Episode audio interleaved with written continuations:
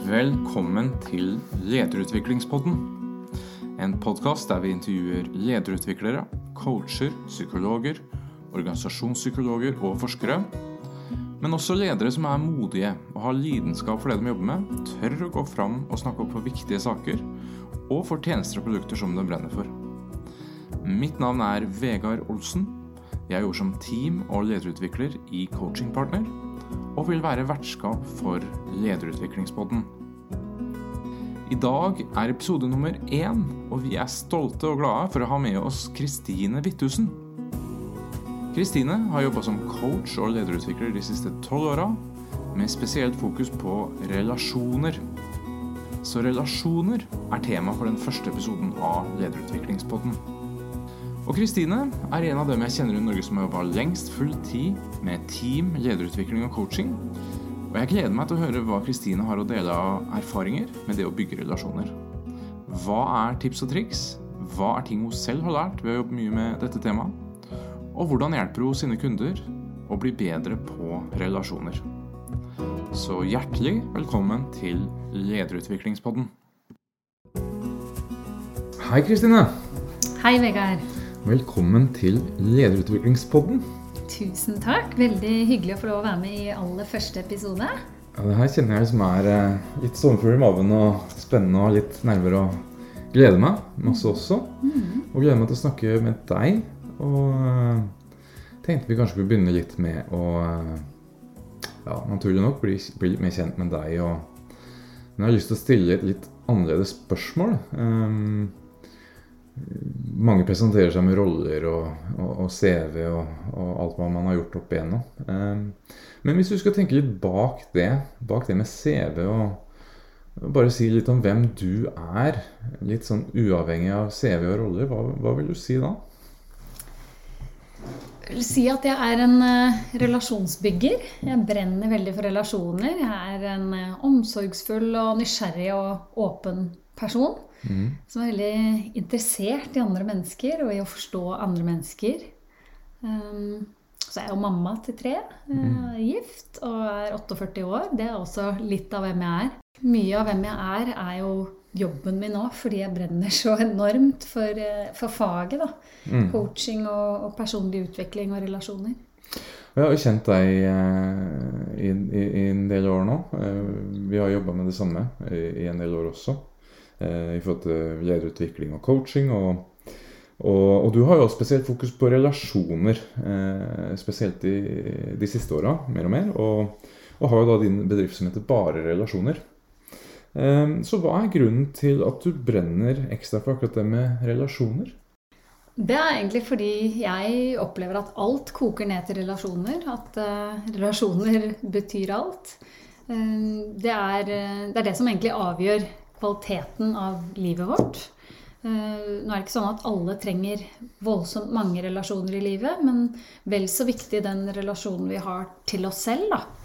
Så, så, så syns jeg at eh, jeg opplever at altfor mange sliter med å ikke ha nok eh, gode relasjoner i livet sitt, også i arbeidslivet. Mm. Ensomhet er et tema som opptar meg veldig. Så det er Mm. kanskje noe av det som gjør at jeg er så brennende opptatt av å bidra til å skape gode relasjoner. Da. Mm. Vet du at ensomhet kan være like helseskadelig som det å røyke? Mm. Og jeg, jeg har snakket med veldig mange som kjenner på ensomhet, også mange ledere som kjenner på den der ensomheten på toppen, som Mm. jeg tror er mer vanlig enn vi vet. Absolutt. Eh, Det har jeg også hørt. Um, Vi skal, vi skal gå litt mer inn i, i tematikken, selvfølgelig. Relasjoner. Det er tema for i dag. Og vi skal se på det fra litt forskjellige vinkler. Eh, Så må du gjerne komme inn og dele noen vinkler eh, selv også. eh, Hvis det er noe vi, eh, viktig som vi kanskje ikke dekker.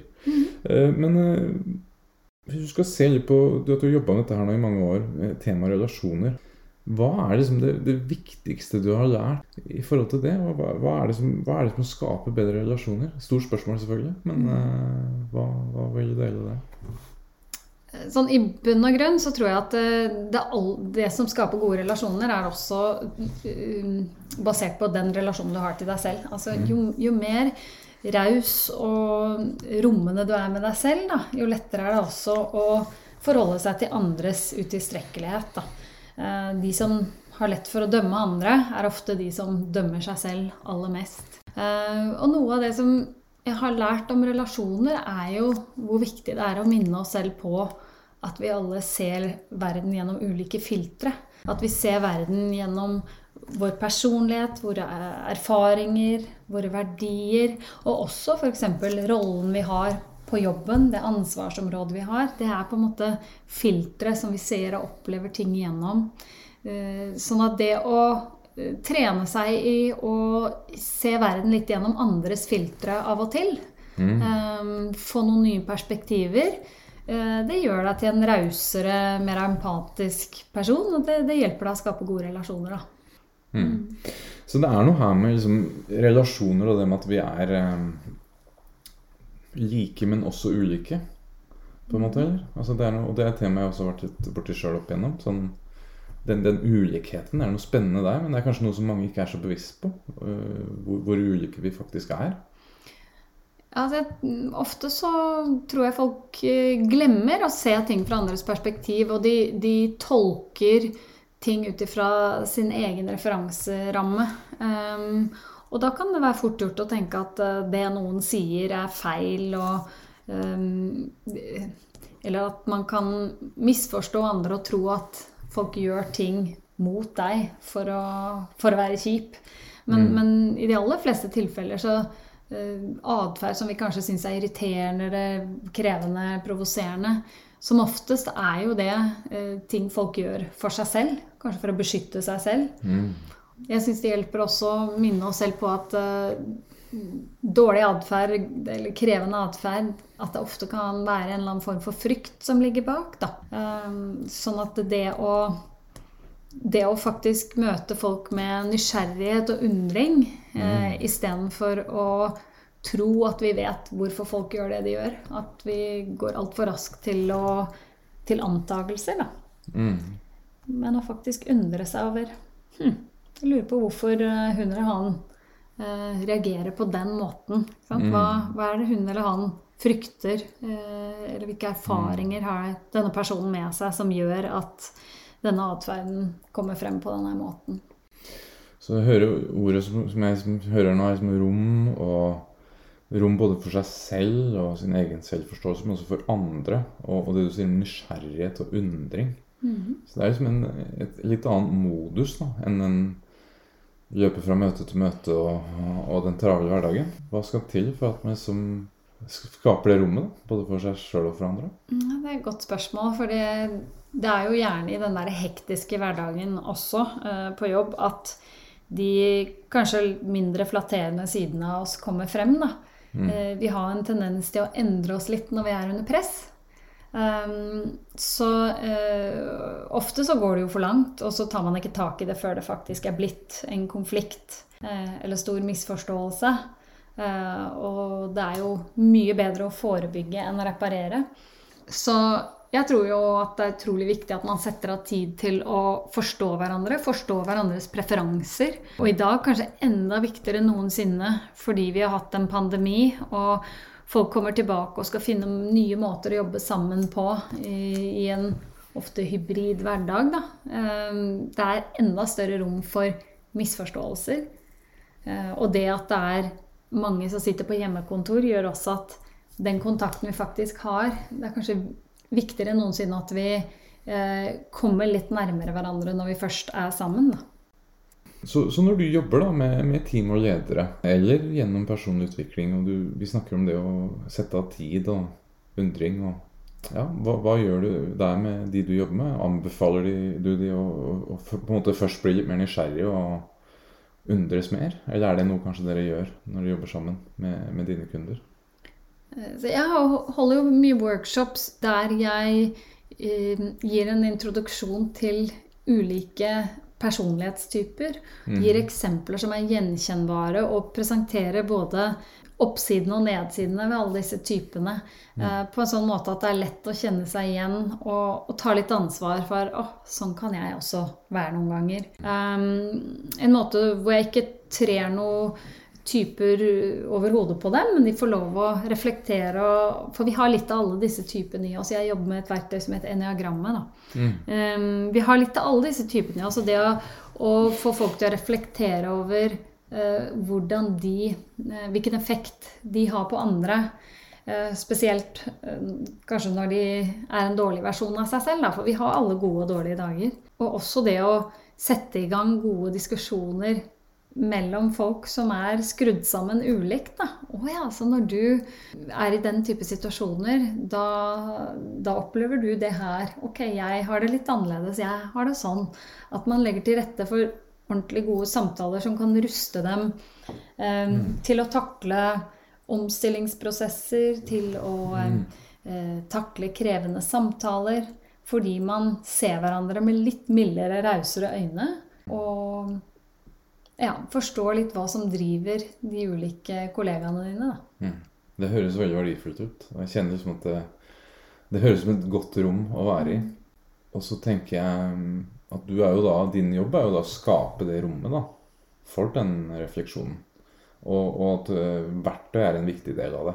Du har en del forskjellige verktøy. Du nevnte eniagrammet. Men det er andre verktøy du også bruker? eller? Ja, nei, Mange forskjellige typer verktøy som har med å hjelpe folk å se Eh, sine styrker, eh, men også se eh, hvordan de kan komme til å bruke disse styrkene på en lite konstruktiv måte. Da. Bruke for mye av dem, sånn at det plutselig ikke lenger blir en styrke, men en utfordring både for dem selv og folk rundt dem. Um, liksom være seg om du er en som er skikkelig god på detaljer og være organisert og leverer alltid perfekt. ikke sant? Og så, så, kan du dra den for langt, og, og, du kan komme til å bli kritisk og dømmende overfor andre som kanskje har en litt annen standard. Um, så det å bli bevisst på hvordan vi kan komme til å overdrive våre styrker, det er en viktig del av en personlig utviklingsprosess. Overdrive våre styrker? Mm. Mm -hmm. Kan du si noe mer om det? Det var ett eksempel. da. Så hvis jeg skal ta meg selv som eksempel, så kan det være det at um, jeg f.eks. har hatt eh, problemer med eh, egoisme. Jeg er redd for å være egoistisk. Så redd for å være egoistisk at jeg noen ganger har dratt den litt for langt, og så blir jeg litt for uh, litt for raus og litt for people pleaser. Og setter ikke mm. mine behov høyt nok, da. Og det er jo noe jeg har jobbet mye med. Og at mm. selvhevdelse har blitt mye enklere for meg med årene. Men det har vært en prosess, da. Mm. Uh, en bevisstgjørende prosess. Mm. Når du jobber med du sier workshops, eh, grupper eller et team, da, hvordan, eh, hvordan ser det her ut da? Er, det, er man, ser man veldig forskjellig ut? Altså Er det veldig mange forskjellige typer i et team, typisk?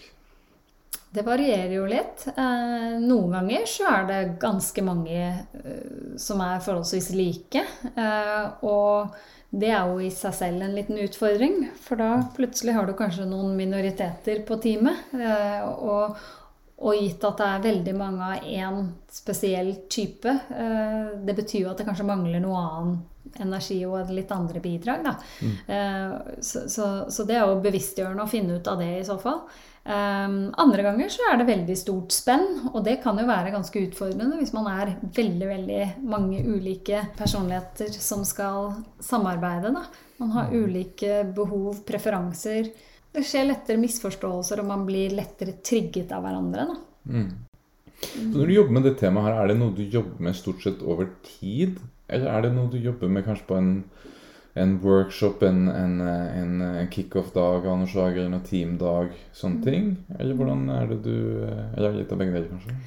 Det kan være begge deler. Um, det er jo selvfølgelig mest verdifullt hvis man har mulighet til å sette av tid, jobbe med dette her over tid og virkelig gå inn i sin egen type, sine styrker og fallgruver som leder, f.eks.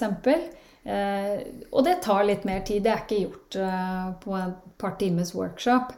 Men jeg har også mange foredrag og workshops hvor jeg presenterer innholdet, og så engasjerer jeg dem i diskusjoner etterpå. Hvor jeg opplever at de kan få veldig mange øyeåpnere bare på noen timers eh, workshop. Og så er det litt spørsmålet hva gjør de med det etterpå? Hvor flinke er de til å, til å ta det med seg videre inn i Mm. hverdagen? Da.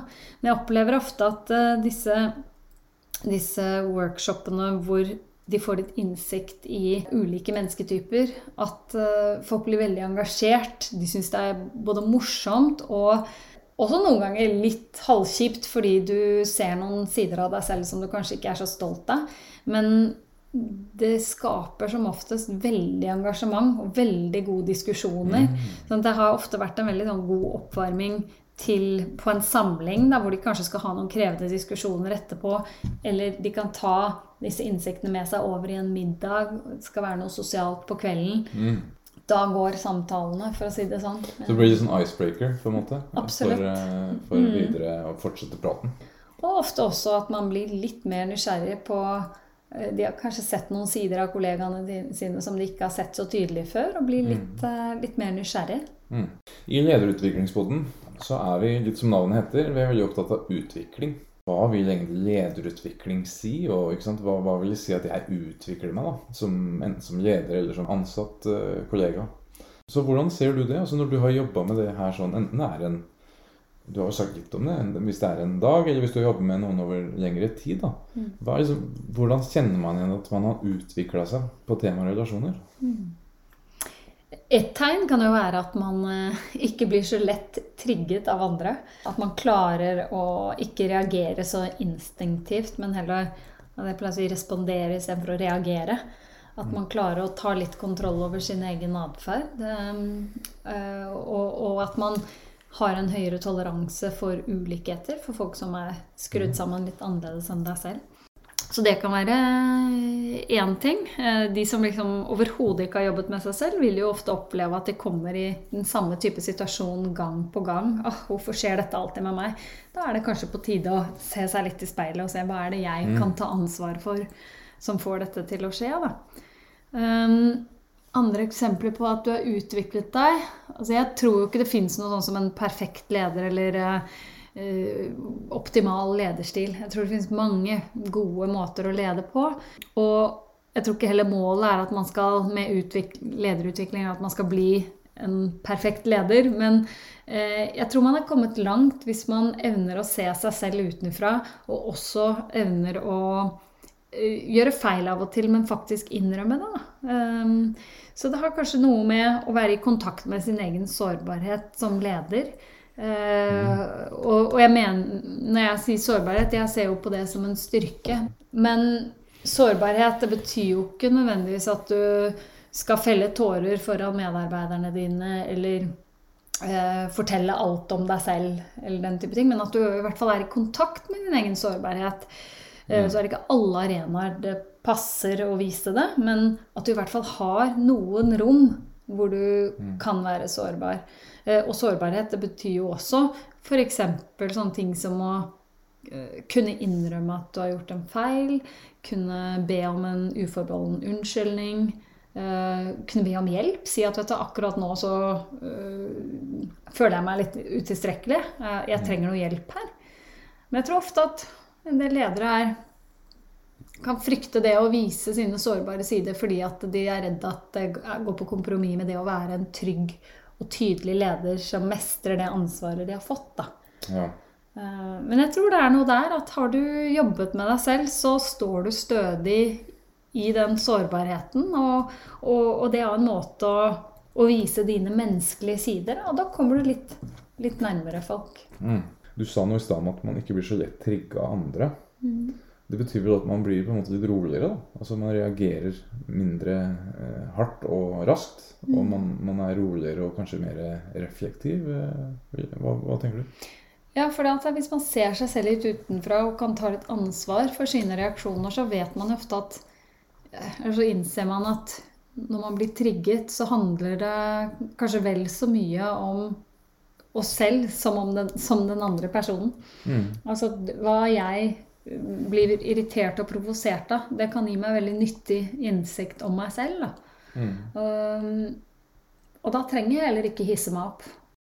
Jeg, jeg merker at jeg med årene og alle innsiktene jeg har fått rundt dette her, så syns jeg det er veldig få jeg ikke klarer å skape en god relasjon til. Og jeg, Mm. jeg har eh, Det er svært få mennesker jeg har noen problemer med. Um, fordi selv om jeg kanskje er veldig ulik fra dem, og kanskje til og med syns de er irriterende eller provoserende, så kan jeg på en måte forstå hvor de kommer fra. Jeg kan se litt hva som driver dem, og, eh, og skjønner at det handler ikke om meg. Um, selvfølgelig kan jeg også gå i fella noen ganger og tro at det handler om meg, og, og anta feil. Og, og sånn. Det er jo ikke sånn at bare fordi jeg kan dette her, så går jeg aldri i den fella. Men jeg i hvert fall i mye større grad eh, evner å eh, ja, å forstå hva som skjer når jeg blir trigget. Da. Og da er det Mm. også lettere å altså, for, Når jeg forstår hvorfor jeg blir trigget, er det også lettere å stå i det og, og forholde og em, håndtere det på en ok måte.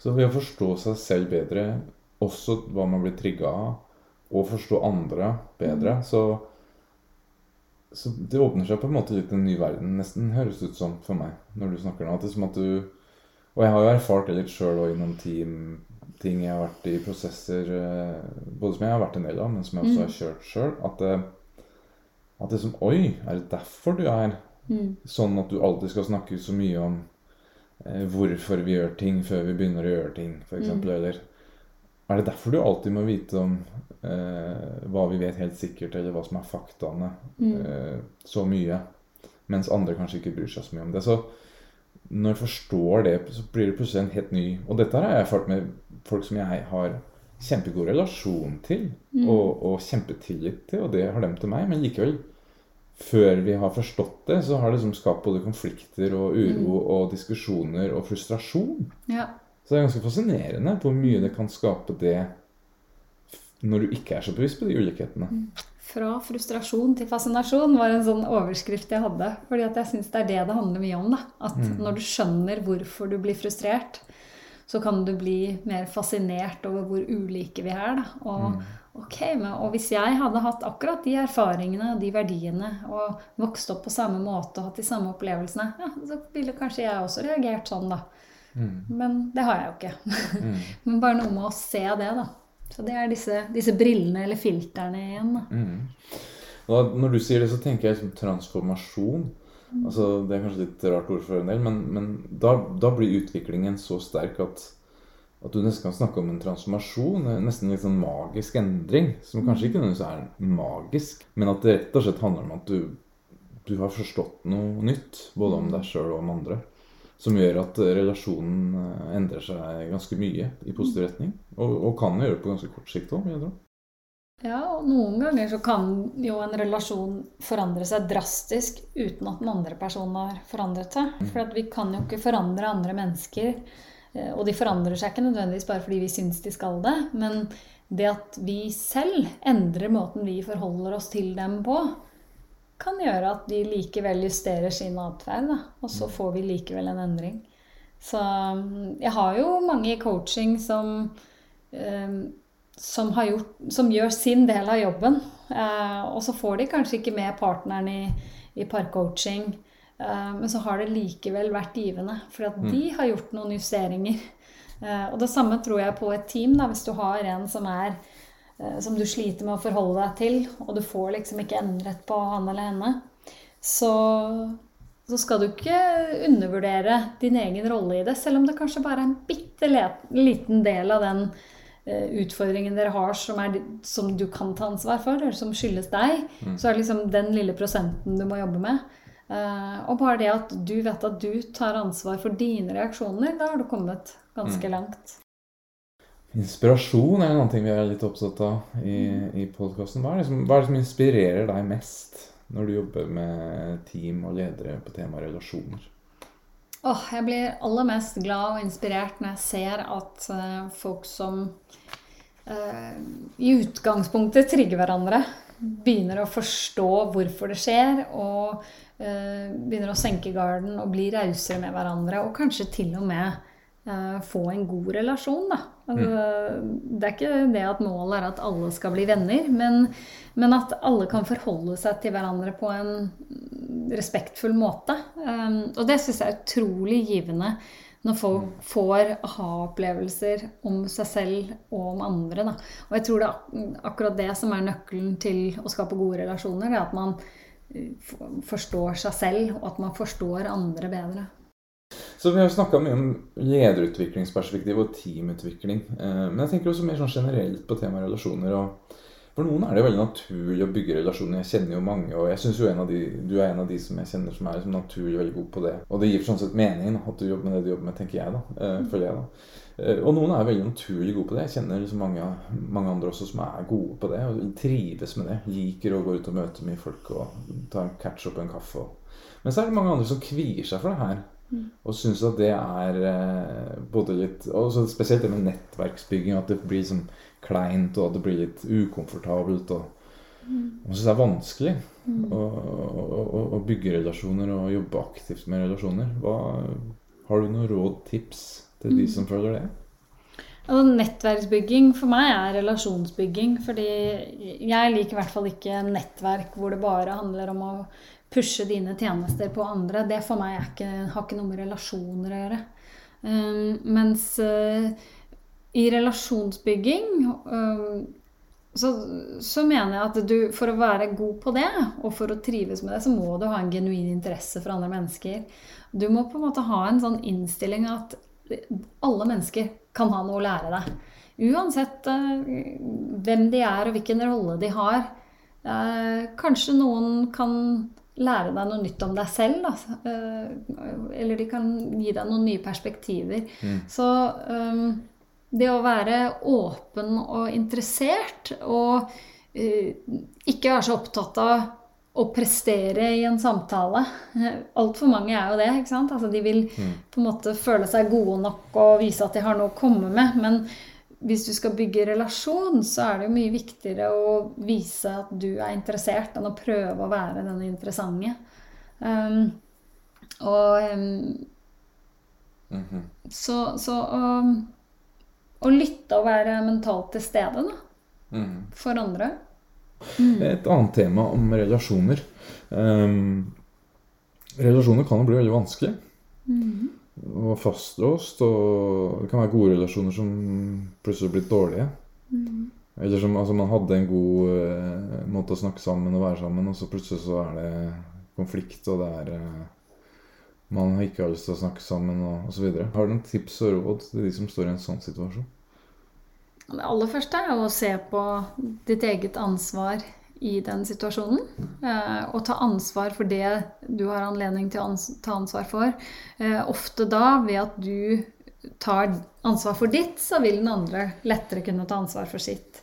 Og hvis du skal gi en tilbakemelding da, som kanskje kan være litt vanskelig for den andre å ta til seg, så gi det på en måte som gjør det lettest mulig å ta det imot. Som, som ikke inviterer til at de føler de må forsvare seg. Da, ikke sant? Mm -hmm. Det er jo så nydelig når man av og til klarer å gi en tilbakemelding, og den andre sier 'Ok, er det sånn du opplever det? Ok, men det, takk, det skal jeg ta til meg. Det skal jeg jobbe med.' Mm -hmm. Og det er jo ikke så ofte vi får høre det, men det er jo gjerne fordi det blir sagt på en måte som det er så vondt at vi går i forsvar og orker egentlig ikke å høre det helt. ikke sant? Mm. Så det å gi tilbakemeldinger på en måte som gjør det enklest mulig å ta det imot Og da kan man f.eks. Eh, si sånne ting som at eh, det, det, var sikkert ikke sånn ment, men jeg har bare litt behov for å se hvordan jeg opplevde det mm. når du eh, sa og gjorde sånn. Da fikk jeg liksom vondt i magen, for jeg opplevde det sånn. Det var sikkert ikke det du mente, men jeg har litt behov for å bare snakke mm. med deg om det. Da antar du ikke det verste. Mm. Men vi gjør jo som oftest motsatt. Vi antar det verste, og kanskje vi til og med uh, starter samtalen veldig brått. Og er sånn, Dø, det som skjedde i sted, det finner jeg meg ikke i. ikke sant? Istedenfor ja. å begynne litt forsiktig. Du, det er noe jeg kunne tenke meg å prate litt med deg om. Det var mm. sikkert ikke sånn ment, men mm. Det var veldig fint. Jeg kjenner som jeg har lyst til å skrive ned det du sa nå. At det er en sånn fin, fin intro til noen sånne tøffe prater. akkurat Det du sa. Det handler jo litt om å blir liksom på sin egen banehalvdel. Vi vet jo ikke hva, de andre, hva, den andre mente eller prøvde eller tenkte. Det kan ikke vi vite. Så vi eneste vi kan svare for, er vår opplevelse av situasjonen. Og hva du føler, kan heller ingen dømme deg for. Altså, du føler det du føler, og alle følelser er ok. Mm. Um, og det høres ut som det noen ganger kan ligge en frykt inni her. Da, at, eh, og da blir vi liksom Når vi blir eh, redde, så blir vi også mer sinna og bestemte, og så mm. blir det en dårlig inngang til en sånn samtale. Mm. Så det er liksom noe med å legge, prøve å parkere den litt og ta liksom Nesten bestemme seg for å se det beste i det og, og, og, og ha en litt sånn inngang som du sa der, da. Ja, ofte så kan det jo sikkert føles befriende å klikke litt der og da. Men mm. Da er det jo så viktig å tenke på hva er intensjonen min med å ta det her opp. Er det å få ut masse gørr, eller er det faktisk å reparere relasjonen? Mm. Um, og hvis du ønsker det siste, så er det lurt å gi det på den måten at det er lett å ta imot. Mm. Ledere som, som, hører på her, eller andre som, som hører på det her og syns det er spennende og har lyst til å bli bedre på relasjoner, lære mer både om seg sjøl og om, om, andre. Hvor, eh, hvor begynner det? Mm. Altså, vi lever i en verden hvor vi bombarderes med inspirasjon og podkaster og artikler. Og jeg ville altså, anbefalt å lese og lære og lytte. Det er så mye bra ressurser der ute innenfor temaet som fenger deg, og som du kanskje trenger å utvikle deg på. Mm. Um, jeg må jo også slå et slag for å faktisk snakke med en coach. da. Mm. Eh, rett og slett for å komme litt ut av ditt eget hode. Dele tankene dine. Også ikke minst ha dette rommet hvor du kan være uh, i kontakt med din egen sårbarhet. Mm. Uh, og, og, og, og, få litt hjelp til å se dine egne både styrker og fallgruver i relasjoner med andre. Mm. Det kan være en start. Det høres ut som en god start og en uh, viktig og vel verdt investering. I hvert fall hvis man vil uh, skape bedre relasjoner. Og det er jo noe, det er jo noe sånn veldig livsviktig, da. Uh, føler jeg, det med relasjoner. Det er som en når man ikke har det, og du var innom ensomhet i stad, så kan det føles veldig tungt. Og hvis det er konflikter osv. Og, så og, og, og, og når vi har de gode relasjonene, så er det noen ganger noe av det mest meningsfulle vi kan ha. Mm. Og, og, det med, som du sier med ensomhet òg, det kan man jo kjenne på eh, selv om man er på en arbeidsplass fullt av kollegaer. Det kan ha noe med at man ikke føler seg helt sett og forstått eller akseptert som den man er. Og så kan det bli en ond sirkel, at man går liksom og ser etter eksempler på at man ikke helt passer inn og ikke helt hører til. Da. Så jeg er kjent med begrepet 'confirmation bias'. At det som vi fokuserer på, det er jo det som gjerne vokser. Det er det ja. vi får mer av. Og der er det jo viktig på en arbeidsplass at man fanger opp litt det, da. Og, og jeg tror mange kan utfordre seg selv i arbeidslivet til å bryte opp litt sosiale klikker på jobben i forhold til at ja, du har lyst til å sitte og spise lunsj hver dag med de du alltid spiser lunsj med, men hva med å prøve å eh, liksom, ta litt sosialt initiativ på jobben, da, til å prate med de du ikke vanligvis prater med, sette deg ned med noen andre. Eh, kanskje til og med de som du tenker at du i utgangspunktet ikke har noe til felles med, og kanskje til og med syns er litt snåle eller irriterende. Sett deg med dem i lunsjen. Ha, ha, en lunsj med dem og se. Kanskje du får noen nye perspektiver. Kanskje det rett og slett er morsomt eller kjempeinteressant. Mm. Ikke sant? Og det, det, er en måte vi alle kan være et bidrag og skape et rausere samfunn, hvis man løfter blikket litt på den måten. Mm. Før vi avslutter, er det, noe du, er det noe vi ikke har vært innom, som du gjerne kunne tenke deg å ta opp her også som en viktig del av det å bli bedre på relasjon? Ja, så noe som jeg veldig ofte kommer inn på når vi snakker om relasjoner, som er så innmari viktig, det er validering. Det å eh, møte andre menneskers eh, følelser, også i jobbsammenheng. At hvis noen åpner seg og forteller om noe sårbart, at man ikke da kommer med løsninger og analyser og argumenter og rasjonalisering. Det er ikke det man trenger da. Man trenger først og fremst å bli møtt der man er, med en aksept for at du, jeg skjønner at uh, akkurat det der er litt dritt. Uh, det er ok, er det noe jeg kan gjøre for deg? Jeg er her. Ikke prøve å Å, ja, men da må du bare gjøre sånn. Eller hva hvis du gjør det her?